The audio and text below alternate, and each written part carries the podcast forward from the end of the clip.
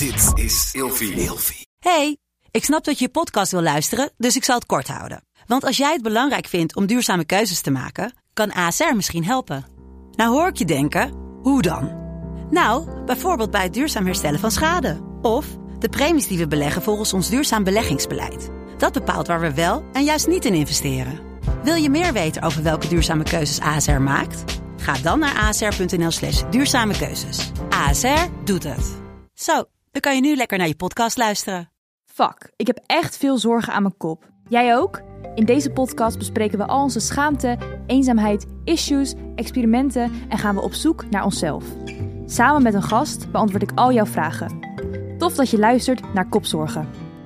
Welkom bij weer een nieuwe Kopzorgen. Ik zit hier in de studio met Fabio D'Agata, schrijver van het boek Intelligent Bewegen.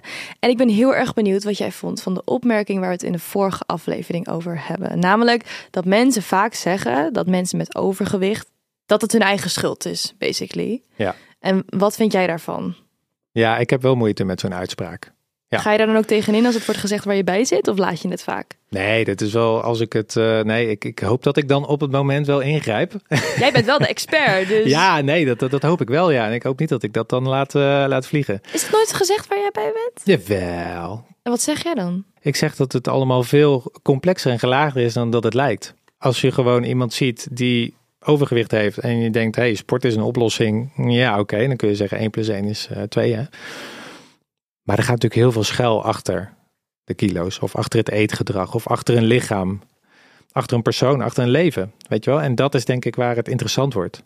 Dus het begint bij daarvoor interesse tonen. Ja, want wat nou, stel dat ik vind het altijd lastig omdat ik niet per se de expert ben. Dus om daar tegenin te gaan, terwijl ik denk dit is echt bullshit. Het is echt een vooroordeel wat je over iemand hebt. Want het kan aan van alles liggen. En waar we het net in de vorige aflevering over hadden, dat suiker vasthouden. Mhm. Moet je maar even luisteren als je nu luistert en je denkt waar hebben ze het over. Was heel interessant. Want suiker, jongen, is echt een duivel. Verslaving. Ik ben zo verslaafd aan suiker. Het is echt. Soms dan loop ik naar huis en dan heb ik de hele dag gewoon thee gedronken en gezond gegeten. En dan ben ik aan het loop ik trillend de metro uit. En dan ga ik naar de supermarkt die onder de metro zit. En dan pak ik een chocoladereep en dan eet ik die op. En dan is het gewoon helemaal.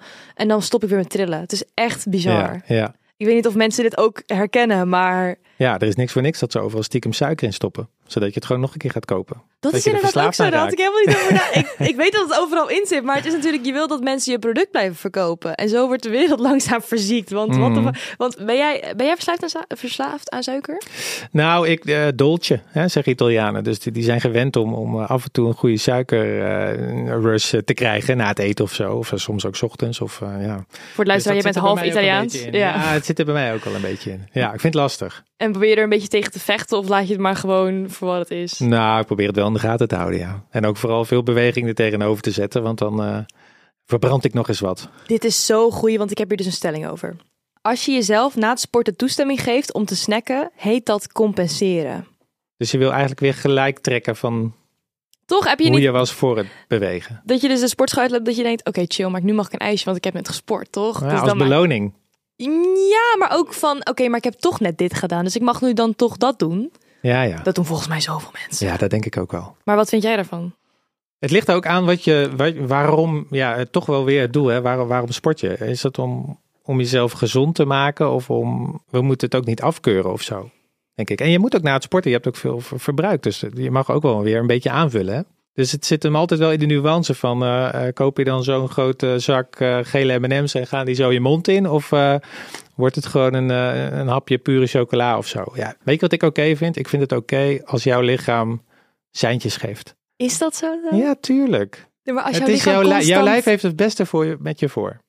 Alleen jouw lijf weet misschien niet hè, dat, er, dat het veel te veel suiker is en dat er hartstikke veel keuzes zijn. Maar die zegt alleen maar, joh, eh, de- hè, let even op. eh, ik heb niet zoveel meer over en ik wil wel overleven en door. Dus eh, ja, Ik wil hier dus een kanttekening van maken, omdat ik denk, wat nou als jouw ehm, lijf deelt het seintje geeft, pak een sigaret, pak een sigaret. ik zeg niet dat je ernaar moet luisteren. Hè? Maar ik vind het oké dat, dat je lijf zijn best doet voor jou. Het helpt jou eigenlijk. Van joh, het geeft jou seintjes. En jij kunt natuurlijk zelf bepalen van joh, ik ga er vol in mee en erop en erover. Of joh, ik doe het nu even niet, want eh, ja, ik heb al heel veel suiker op deze week.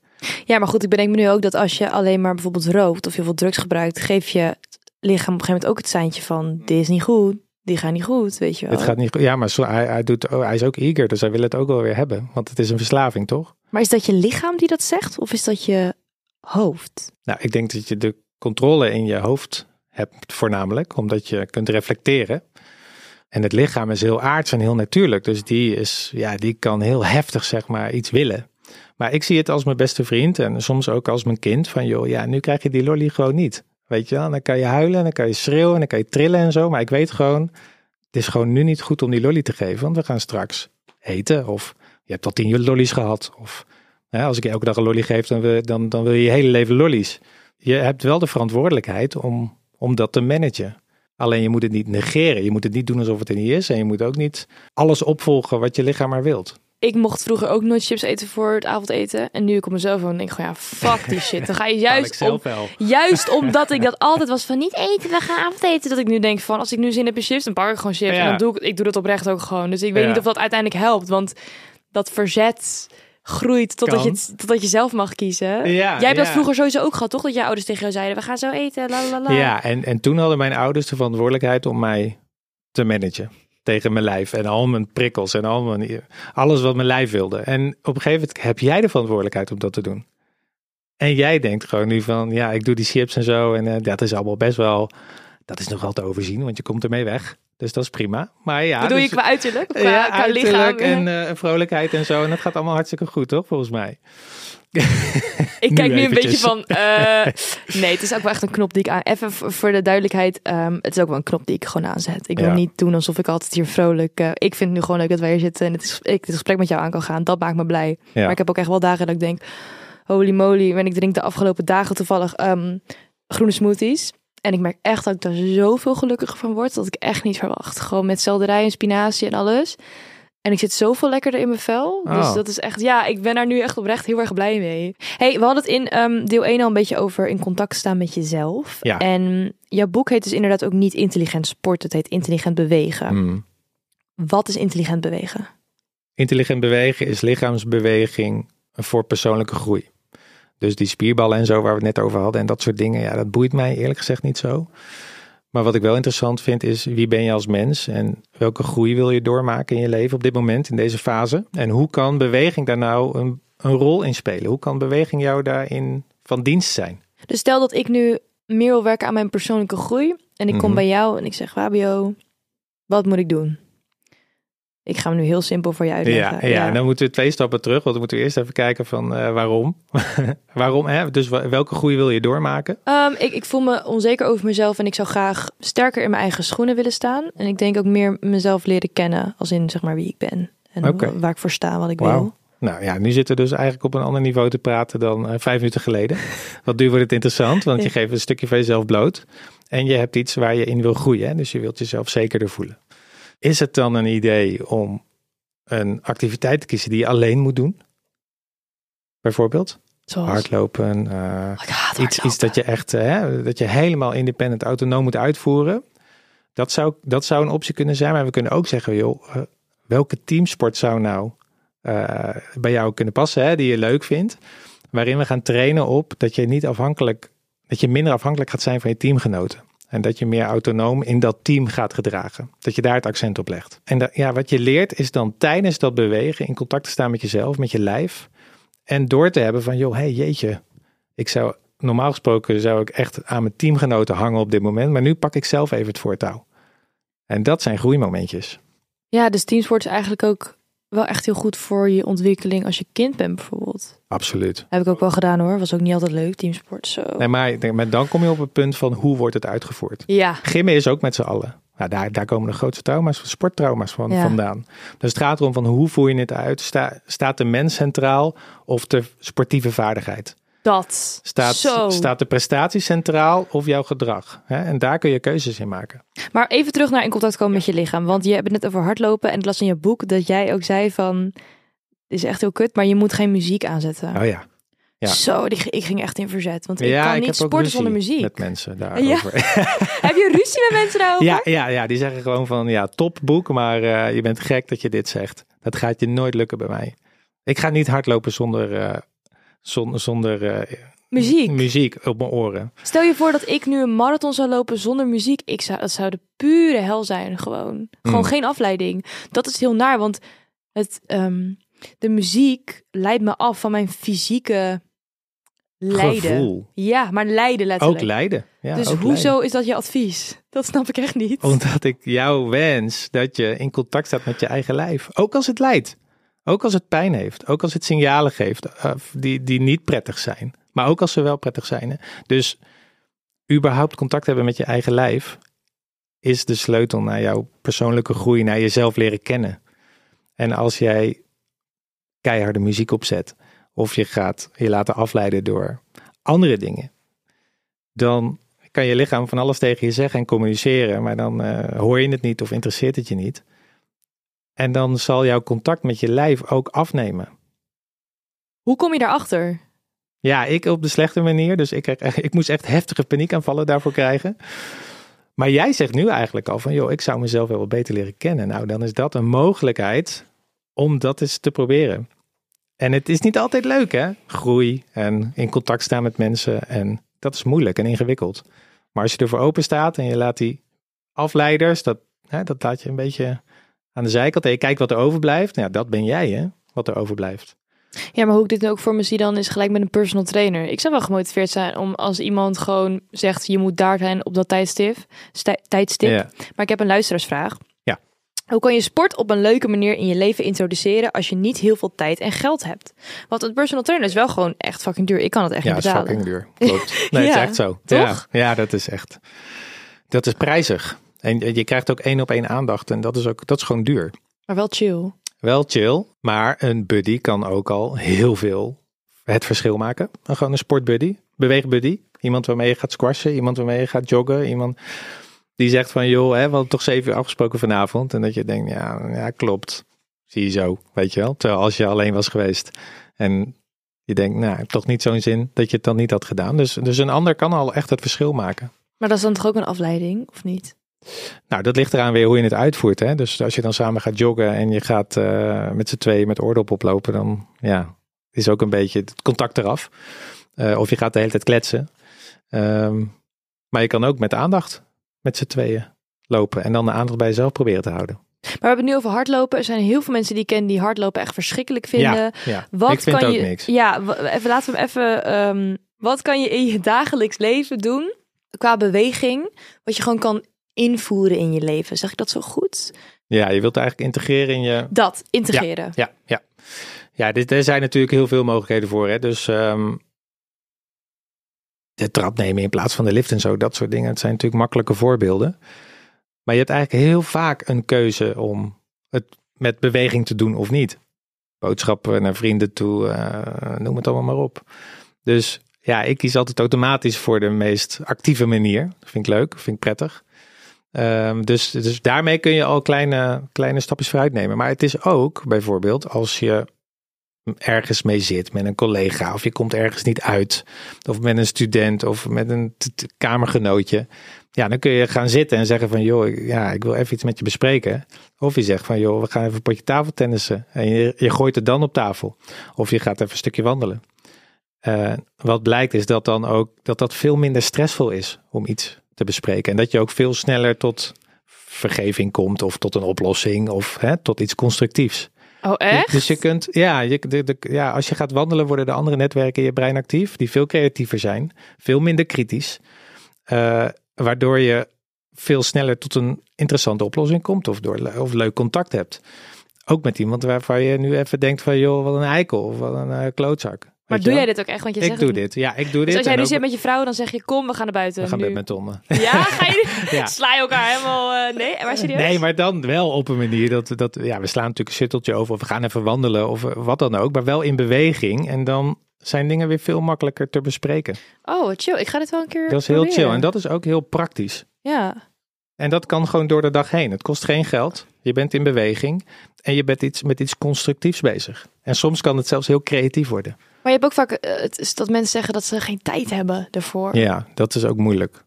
Ja, maar goed, je moet je toch verplaatsen de hele dag. En je moet toch Ja. problemen oplossen de hele dag. En je moet toch, ja, er moet, de hele dag zijn er dingen bezig. Dus, en er is heel vaak een, een actieve oplossing. Ben jij ook iemand die dan zegt van nee, tijd maak je gewoon? Ja, ik maak heel makkelijk tijd voor bewegen, want het is een van de belangrijkste dingen in mijn leven. Maar ja, vergaderen kun je zittend doen, dan kun je staand doen, kun je balancerend doen, kun je wandelend doen. Dus er zijn altijd veel meer opties dan dat het lijkt. Maar omdat iedereen gewoon met zijn computer gaat zitten, lijkt dat zeg maar de enige optie. Ja. Maar als je, ja, we zijn intelligenter dan je denkt, weet je wel. Dus je kan veel meer bedenken. Je moet gewoon wat creatiever zijn. Ja, dat vind ik wel. Maar bij Spat verandert, vergaderen jullie dan ook terwijl, je aan het terwijl jullie balanceren op zo'n eh, balansbal? Ja, regelmatig. eh, Nee, lul. Ja, nee, ja hoor. En, en, eh, of iemand die trekt zich omhoog aan zo'n ding. Of tijdens het tafeltennissen. En, en dat gaat heel leuk. En dat, eh, ja, het is ook leuk. Ja, dat is wel echt heel leuk. Want, maar dan eh, vindt iedereen het ook leuk. Dus dat is wel... Je brengt eh, ook lol in de dag. Hey, ehm, even om de aflevering een beetje af te sluiten. Ik ben wel benieuwd naar... We hebben het gehad over overmatig sporten. We hebben het gehad over te weinig sporten of bewegen, zoals we het ook noemen. Mhm. Hoe vind jij balans? Hoe behoud jij balans? Want je hebt heel vaak, denk ik, dat als je iets nieuws pa- oppakt... of dat je je, je grens snel aantikt... Mhm. Of juist inderdaad te ver onder de... Ja. Snap je wat ik bedoel? Ja, ja want dit, dit zijn dagelijkse dingen waar, waar ik mee bezig ben. Van waar ligt de grens bij de mensen die we helpen en ook bij mezelf? Waar ligt die en hoe, kan ik, hoe kom ik erachter waar die ligt? Precies. Ja, ja, mijn lichaam vertelt mij alles. Dus ik, ik heb zoveel geïnvesteerd in het contact met mijn lijf dat ik heel snel door heb dat ik richting mijn grens ga. Of dat ik iets heb gekozen wat, niet, hè, wat me stress oplevert. Of, Ja, maar hoe kom jij in contact met je lijf? Doe je gaat mediteren? Ja, ik wil het gewoon weten. Zeg maar, want je zegt dat van ja, ik- mijn lichaam vertelt me dat. Maar hè? ja, ja, dus je lichaam heeft geen woorden, hè? dus die, die, die heeft gevoel. Dus Ja. die geeft jou seintjes op, op gevoelsniveau. Ook in gedrag. Dus ik kan bijvoorbeeld op, mijn, eh, op de binnenkant van mijn mond bijten. Als ik een beetje gestrest ben of ik voel me onder druk staan. Niemand ziet dat. En ik eh, deed dat al toen ik op de basisschool was. Maar nu heb ik pas door dat ik dat steeds doe. En dat het een seintje is van joh, ja, er zit iets, er zit er iets ergens, zit er iets stressigs. En, en dat klopt ook dan, als ik het door heb. Maar ik kan ook eh, druk op mijn borst voelen. Ik kan eh, zware benen hebben. Ik kan een hoge nek. ademhaling hebben. Ne- eh, nek hoor ik veel, schouders. Mijn collega's, hele rug gaat vastzitten hè, als we een stressvolle week hebben. Dus iedereen reageert anders. Ik heb een vriend die, die krijgt altijd ontsteking in zijn oog. Dus, dus elk lichaam reageert anders. En het is mooi om te ontdekken hoe jouw lijf op dingen reageert. En als je dat aanvoelt, dan ja, wordt steeds genuanceerder. Steeds kleinere signaaltjes gaan je dan opvallen. Soms zijn het in het begin de grote, duidelijke signalen, maar die worden steeds, steeds kleiner en verfijnder. En dan, eh, dan eh, krijg je gewoon steeds beter contact met je lijf en leer je ook samen te werken met je lijf. Want af en toe moet ik er ook overheen. Hè? Dan ben ik moe, maar dan moet ik ergens naartoe om te presenteren of om een voorstel te maken of wat dan ook. Ja, dan moet ik er even overheen. Maar dan zeg ik wel van, joh, daarna heb ik wat tijd voor jou en dan doen we even iets relaxed. Maar dan ben je nog in die beginstadium van je grens. Want het wel Ja. interessant wat je zegt. Je begint, het begint altijd heel groot. Dus bijvoorbeeld een burn-out. Je loopt keihard Voor- tegen die, muur groot, aan. Die is groot. Die is, eh, of, of iets anders. Of een paniekaanval. En op een gegeven moment, hoe vaker je dat meemaakt, hoe sneller je opmerkt van... Wow, dit is het begin van een paniekaanval. Mm. Dit zijn echt de voorstadia. Dus dat mijn nek bijvoorbeeld vastzit. Mhm. Of ik begin zwaar te ademen.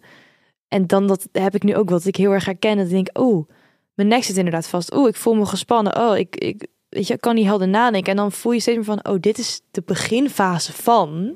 In plaats van dat je zo ver gaat dat je tegen die muur aanloopt. En ik heb ook heel vaak het gevoel dat mensen het negeren. Ja, of, of niet serieus nemen. Dat kan ook, hè? Dus, dus gewoon niet serieus nemen van, ah, mijn nek zit vast, maar het zal morgen wel over zijn of zo.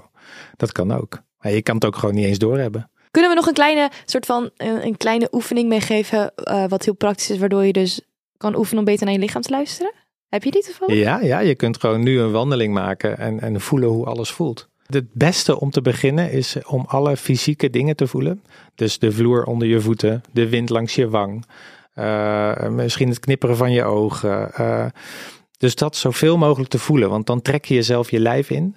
En dan voel je misschien ook, hey shit, ik heb wat eh, pijn in mijn buik ergens van. Of eh, kramp in mijn kuit. En als je dat serieus neemt en gaat onderzoeken van, joh, misschien komt dat wel omdat ik morgen een belangrijk tentamen heb. Of omdat eh, mijn vriendje het net heeft uitgemaakt. Of... En dan ga je verbanden leggen tussen wat er eigenlijk in je leven gebeurt en hoe je lichaam daarop reageert. Dat kan ook zittend, maar het is fijner om het in beweging te doen, omdat je lijf dan ook een beetje wakker wordt en meer, er meer te voelen is. Als je altijd zit, dan wordt het ook neutraal. En, ja? Dus ik zou, ik zou dat lekker in een wandelingetje doen nu. Ja. Gewoon. Stel dat je deze podcast luistert en je bent niet aan het wandelen of je bent wel aan het wandelen. try it out. Ik vind het heel mooi. Ik vind het echt een dieper laag van zelfbewustzijn en niet je gevoelens uit de weg gaan, maar er juist head-on mee dealen. Moet je ook klaar voor zijn. Sommige mensen die zijn er nog niet klaar voor en dat snap, snap ik ook heel erg goed. Ehm, maar we moeten hem gaan afronden. Dus ja, dus er valt nog zoveel te vertellen. Maar ik, ik vind dit een heel mooi einde, omdat het heel praktisch en klein is. Snap ik. Probeer gewoon iets kleins, want jij bent echt al mijlen verderop. Maar degene die luisteren zijn waarschijnlijk net... Dit is misschien heel erg nieuw. Dankjewel, Fabio. Jij bedankt, Dat je langs. Hey jongens, bedankt voor het luisteren. Nogmaals, als je deze podcast graag luistert, laat dan een recensie achter op je favoriete podcast app. We zijn te volgen via Instagram en TikTok, @kopzoekerpodcast. En tot de volgende aflevering.